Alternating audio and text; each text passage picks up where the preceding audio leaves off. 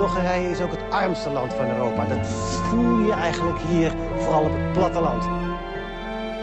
It was built in 1981, at a time when the power of the communist regime seemed unshakable.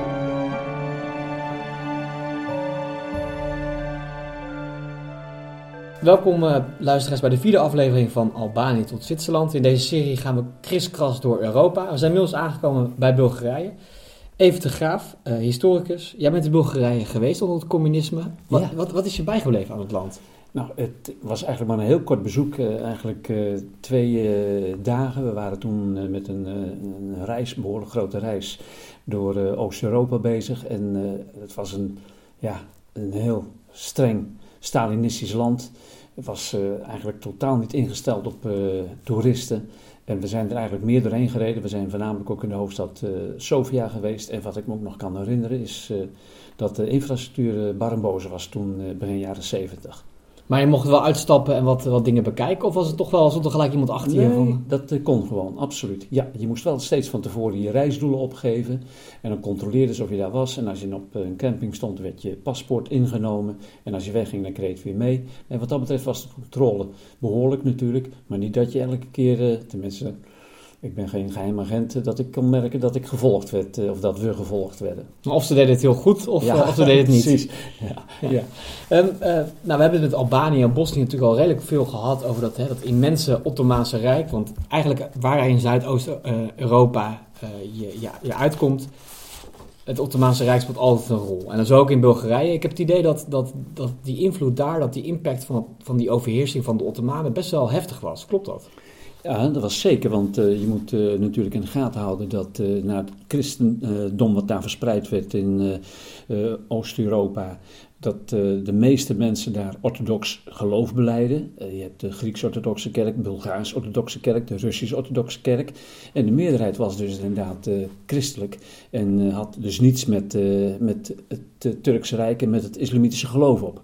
Wat dat betreft zijn ze natuurlijk eh, eh, gedwongen toch ook wel om eh, islamiet te worden. En dat is eh, bij velen in het verkeerde keelgat geschoten. Ja, want er waren ook vooral aan het einde van het Ottomaanse Rijk, eh, of de eindperiode daarvan, veel opstanden hè, in Bulgarije. Als je de 19e eeuw ingaat, dan komt eh, wat onze leidraad is, het nationalisme opzetten. En dan zie je dat aan het Turks Hof toch ook wel een aantal sultans geweest zijn die zeer decadent leefden en altijd met veel andere zaken bezig waren dan met het besturen van het immense grote rijk. En vandaar dat dan ook al die naam ontstaat, de zieke man van Europa, dat ze steeds zwakker beginnen te worden. En, en daar profiteren dan natuurlijk ook minderheidsgroepen van, onder andere in Bulgarije. En dan is er de grote broer, Rusland, die, eh, die zich steeds meer begint te bekommeren om de Bulgaren. Of zelf wel interesse heeft in dat stuk land. Hè?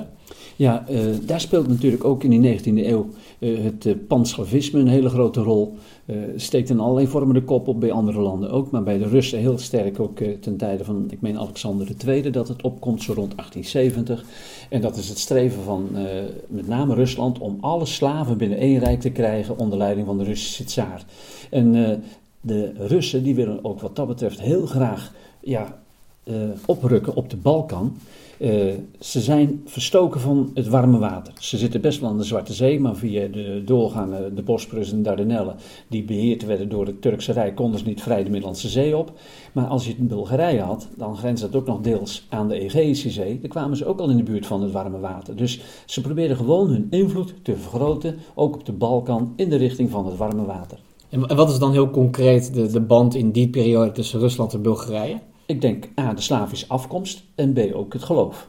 Dat uitzicht op een gegeven moment in de, in de, in de Russisch-Ottomaanse oorlog. Dat is eigenlijk een soort van prelude op de Eerste Wereldoorlog, hè? Ja, van 1877 tot 1878 dan zie je inderdaad dat er een uh, Russisch-Turkse oorlog is. En dat gaat ook weer uh, dat ze hun invloed willen uitbreiden op de Balkan. Daar heb je, behalve de Turken en de Russen, heb je dan ook natuurlijk nog op de achtergrond Oostenrijk-Hongarije, wat er ook hele grote belangen had. En toen die Russisch-Turkse oorlog zich uh, afspeelde, uh, was dat een verpletterende nederlaag voor de Turken. En de Russen die wonnen geweldig uh, ja, veel gebied. Ze hebben toen ook Bulgarije voor de eerste keer autonoom verklaard, kreeg de zelfstandigheid. En daar schrokken dus de andere grote mogendheden van. Want, want die zagen Rusland uh, ja, invloed nam veel te veel toe op de Balkan. En er moest ingegrepen worden. Hoe gebeurde dat? Onder leiding van Bismarck heb je toen de conferentie van Berlijn gehad. En die probeerde eigenlijk een grote streep te halen door de voorwaarden en bepalingen van de uh, Vrede van San Stefano, die gesloten was in 1878, die zeer nadelig was voor de Turken en heel voordelig A voor de Bulgaren en deels ook voor de Russen. En bij die uh, conferentie van Berlijn werden gewoon hele grote gebieden van de Russen weer afgepakt. En die durfden eigenlijk dan niet tegen te protesteren, want ze zagen dat ze gewoon qua militair potentieel minder waren dan die grote mogendheden die tegenover hen stonden. En de Bulgaren? En de Bulgaren, ja, die moesten dat gewoon noodgedwongen. Die waren een speelbal uh, in dit gebeuren. En uh, die moesten dat gewoon over zich heen laten komen. Die konden wel protesteren, hebben ze ook gedaan. Maar dat uh, kreeg totaal geen gehoor bij de grote mogendheden. En werd Bulgarije dan weer onderdeel van het Ottomaanse Rijk? Nee, ze bleven wel zelfstandig. Hoor. Wat dat betreft uh, behielden ze hun, uh, zonder meer hun soevereiniteit. Een oorlog later, uh, dan, dan, krijgen we de Balkanoorlogen. Daar hebben we het al even kort over gehad met Albanië en ik denk ook met Bosnië. Um, ja, Bulgarije is, is, in die oorlog wel een van de meest prominente landen. Het wint heel veel in de eerste en verliest weer bijna alles in de tweede. Dat is toch opmerkelijk. Ja, dat heeft alles te maken natuurlijk ook met misschien Bulgaarse hoogmoed. Ze hebben geweldig veel gebieden veroverd in Europa op het Turkse Rijk. En ze stonden zowat voor de poort ook van Istanbul. Het Turkse leger stelde helemaal niet zoveel meer voor. En ze waren trots erop dat ze een geweldig rijk hadden opgebouwd. En daar werden de anderen natuurlijk weer jaloers doorgemaakt. En met name Servië, Montenegro en Griekenland. En ook aardsvijand Turkije sloot zich toen bij die uh, groep aan. En die hebben toen de bal, uh, Tweede Balkanoorlog hebben ze uitgeroepen om gewoon weer eigenlijk landjepik te doen, gebieden terug te pakken van Bulgarije. Wat een veel te grote broek had aangetrokken. Dus, dus vier van de vijf landen die, uh, die vallen Turkije aan. Dan wint een van die landen wint heel veel. Ja. En dan denkt de rest, nou ja, dan gaan we maar tegen, die, tegen de nieuwe grote. Klopt. En in die 19e eeuw, is wel interessant te vertellen, was er een soort gouden stelregel. De vijand van mijn vijand is mijn vriend. En, en zo werkte dat. En Bulgarije had in één keer heel veel vijanden. Hij had opeens heel veel vijanden. Ja. ja. En, Mag ik ook nog één ding zeggen? Dat is ook wel opmerkelijk. Uh, we hebben nu tegenwoordig met al die vluchtelingen problematiek. En ze komen natuurlijk vanuit uh, Afrika en andere gebieden ook naar uh, Europa toe. vroeger had je de kaart van Europa ten tijde van de Balkanoorlogen. En er stonden de landsgrenzen netjes afgebakend. Maar in de praktijk merk je totaal niets van die grenzen. En wat zie je nou gebeuren? Dat door die Balkanoorlogen en later nog meer door de Eerste Wereldoorlog, met al die geweldige stromen van vluchtelingen, dat landen de grenzen gaan beveiligen. En controleposten en uh, hekwerken gaan plaatsen om vluchtelingen tegen te houden. Heel opmerkelijk verschijnsel wat gebeurde voor de eerste keer na de Balkanoorlogen en vervolgens de Eerste Wereldoorlog. We hadden het over de band tussen de Bulgaren en, uh, en Rusland, die was inmiddeld aardig uh, bekoeld. Dan krijgen we de Eerste Wereldoorlog. En dan kiest Bulgarije een andere kant, hè? Ja, je hebt dan uh, voor de goede orde nog een keer de geallieerden tegen de centrale. En de geallieerden, dat zijn dan natuurlijk uh, Engeland en Frankrijk en Rusland en België en noem ze allemaal maar op. En aan de andere kant stonden dan Duitsland, Oostenrijk, Hongarije. En in 1915 komt daar ook Bulgarije bij. En waarom? Omdat heel handig Duitsland hen een vette worst voor de, de neus hield. Van als jij meedoet als land aan onze zijde, krijg je heel Macedonië. Heb je weer Macedonië.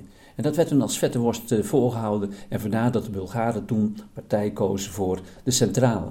Bulgarije was in die oorlog een belangrijke uh, schakel? Uh, nou, op de Balkan hebben ze gevochten ook uh, tegen uh, met name een aantal tegenstanders.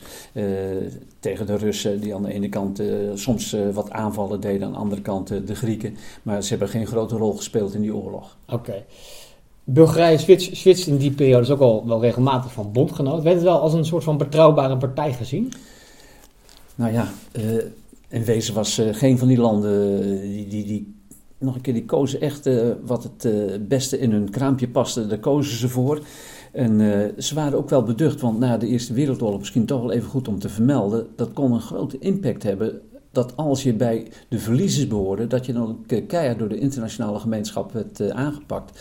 Uh, na de Eerste Wereldoorlog krijg je de Volkenbond. En de Volkenbond die heeft toen ook uh, kort daarna in Parijs en omgeving allerlei vredesverdragen getekend met verslagen landen. En Bulgarije was er ook eentje van, die had een nederlaag geleden. En toen kreeg je daar het verdrag van Neuilly. En toen is werkelijk Bulg Bulgarije het, het vel van de neus gehaald. Door de geallieerden. Grote gebieden moesten ze afstaan. En dat schrok best wel andere landen ook af natuurlijk eh, voor de ja, periode die zou volgen. Dat ze wel zich goed beseften van... Uh, je kunt niet zomaar partij kiezen, want het kan ook wel eens een keer hele grote nadelige gevolgen hebben als je bij de verliezers behoort. En Bulgarije had toen het idee, uh, bij de Eerste Wereldoorlog, dat ze aan de winnende kant stonden. Dat Ja, ze het winnende ze kamp kozen. Ja, ze dachten echt eh, Duitsland een geweldige leger en een sterke vloot opgebouwd. Niet zo sterk als van eh, Engeland. Eh, natuurlijk was toen nog eh, Oostenrijk-Hongarije een geweldig grote monarchie. Eh, wat denk je van Turkije? Was toch eh, qua gebied ook een van de grootste landen in eh, de wereld. Ze dachten wij zitten in het kamp van de winnaars. En dat is dus absoluut eh, verkeerd uitgepakt.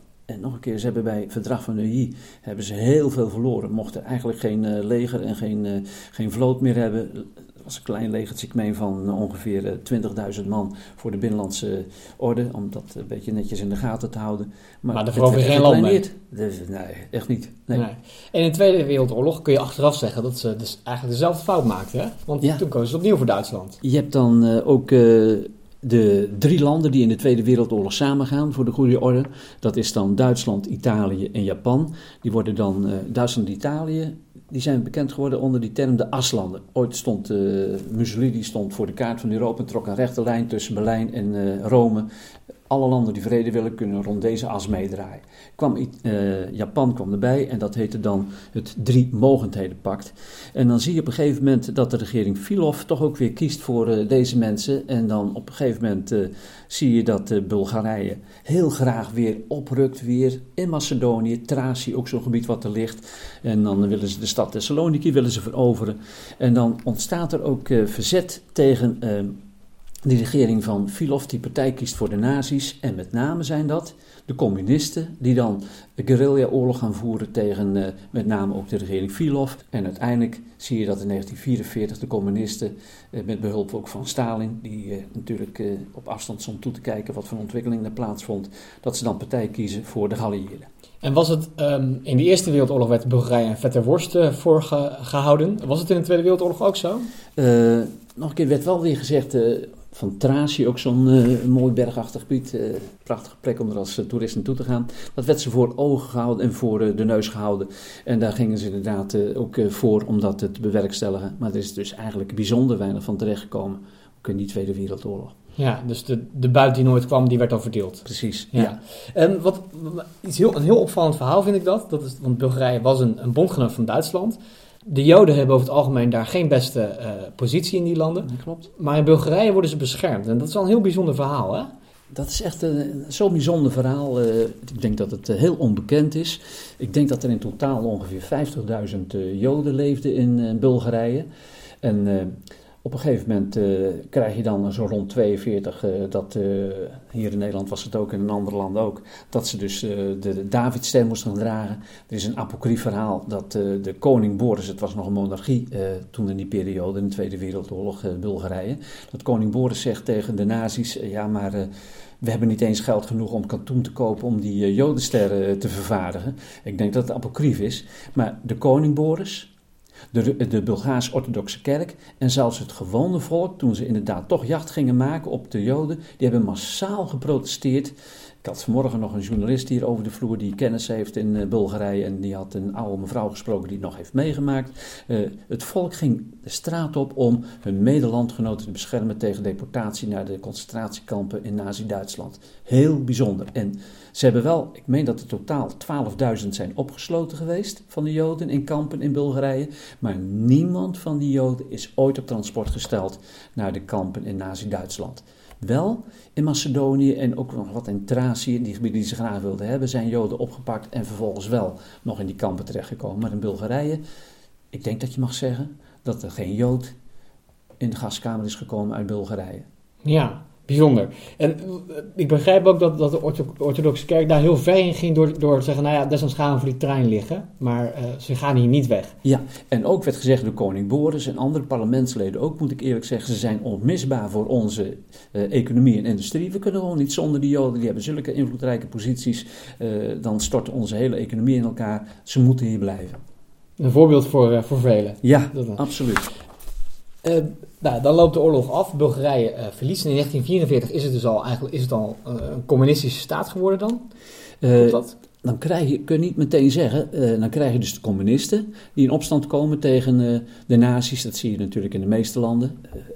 Als je één groep moet prijzen voor het verzet tegen de nazi's, dan zijn het ook in Nederland de communisten geweest, die oververtegenwoordigd waren, ook in ons land, maar ook in Bulgarije. En die gaan dan het uh, Vaderlands Front gaan ze vormen en die uh, gaan al, aantal van die mensen die toppositie binnen die beweging hadden, gaan al naar uh, Moskou toe. Die worden natuurlijk echt ook geïndoctrineerd door de Russen en die krijgen de opdracht mee, probeer de macht te grijpen en dan gaan we in de toekomst van Bulgarije een rode heilstaat maken. En met name is dat inderdaad ook door Dimitrov gebeurd. En die wilde toen al heel snel dat Bulgarije kort na de oorlog al communistisch werd. En je ziet dan inderdaad dat ze een volksrepubliek gaan vormen. En dat die, diezelfde Dimitrov die ik net noemde, een soort Balkanfederatie wil gaan sluiten, ook met Joegoslavië. Maar dat ging weer een stapje te ver bij Stalin. Ja. ja. Um, even kort, want voor mijn, voor mijn gevoel, voordat ik in deze serie begon, um, was het in na 1945 een soort van rode vlek uh, die heel homogeen was uh, aan de rechterkant van, uh, van Duitsland. Allemaal hetzelfde, allemaal communistisch. Maar ik kom er steeds meer achter dat elk land wel heel apart is in, in hoe ze dat communisme beleven. We hebben Albanië gehoord, waar het heel extreem was, Joegoslavië ja. vrij mild. En hoe moet ik Bulgarije dan zien? Meteen na de oorlog had je uh, de poging van de Tweede Internationale dat alle communistische partijen moesten naar de pijpen dansen van uh, Moskou.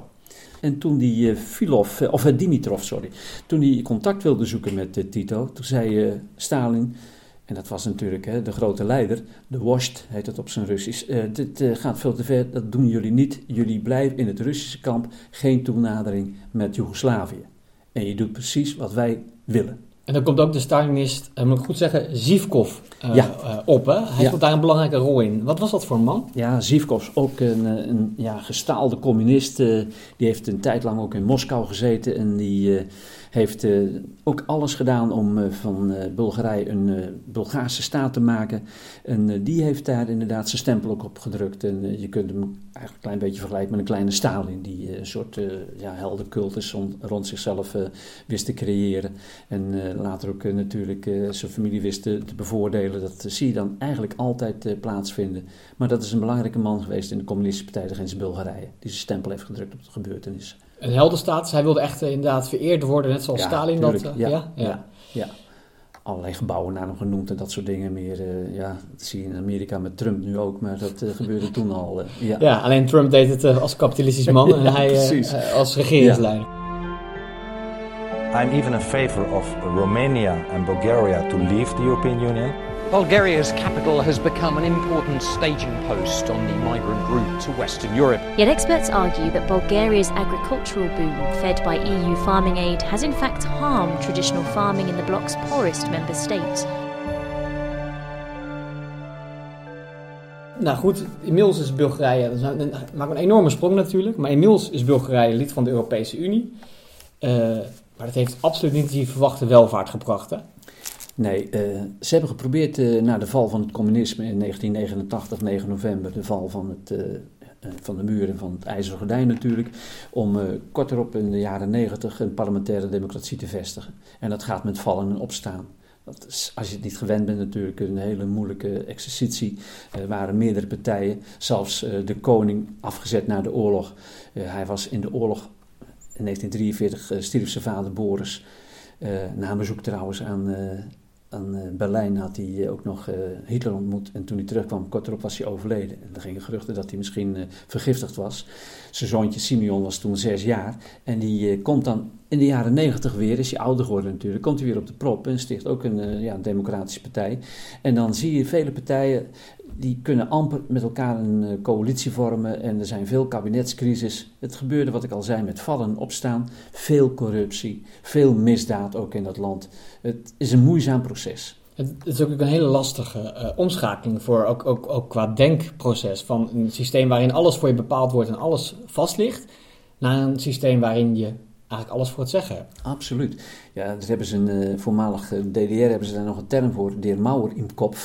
De mouwen in kop. Ja, ik weet niet of dat ook voor de Bulgaren geldt, uh, maar die hebben natuurlijk uh, vanaf eh, eind eh, van de Tweede Wereldoorlog tot en met 90, zeg maar een periode van zeker 40 jaar, hebben ze dat communistische systeem over zich heen gekregen. En een vrij rigide systeem, dat kan ik je vertellen. En dan opeens die omschakeling maken, dat gaat heel, heel moeizaam.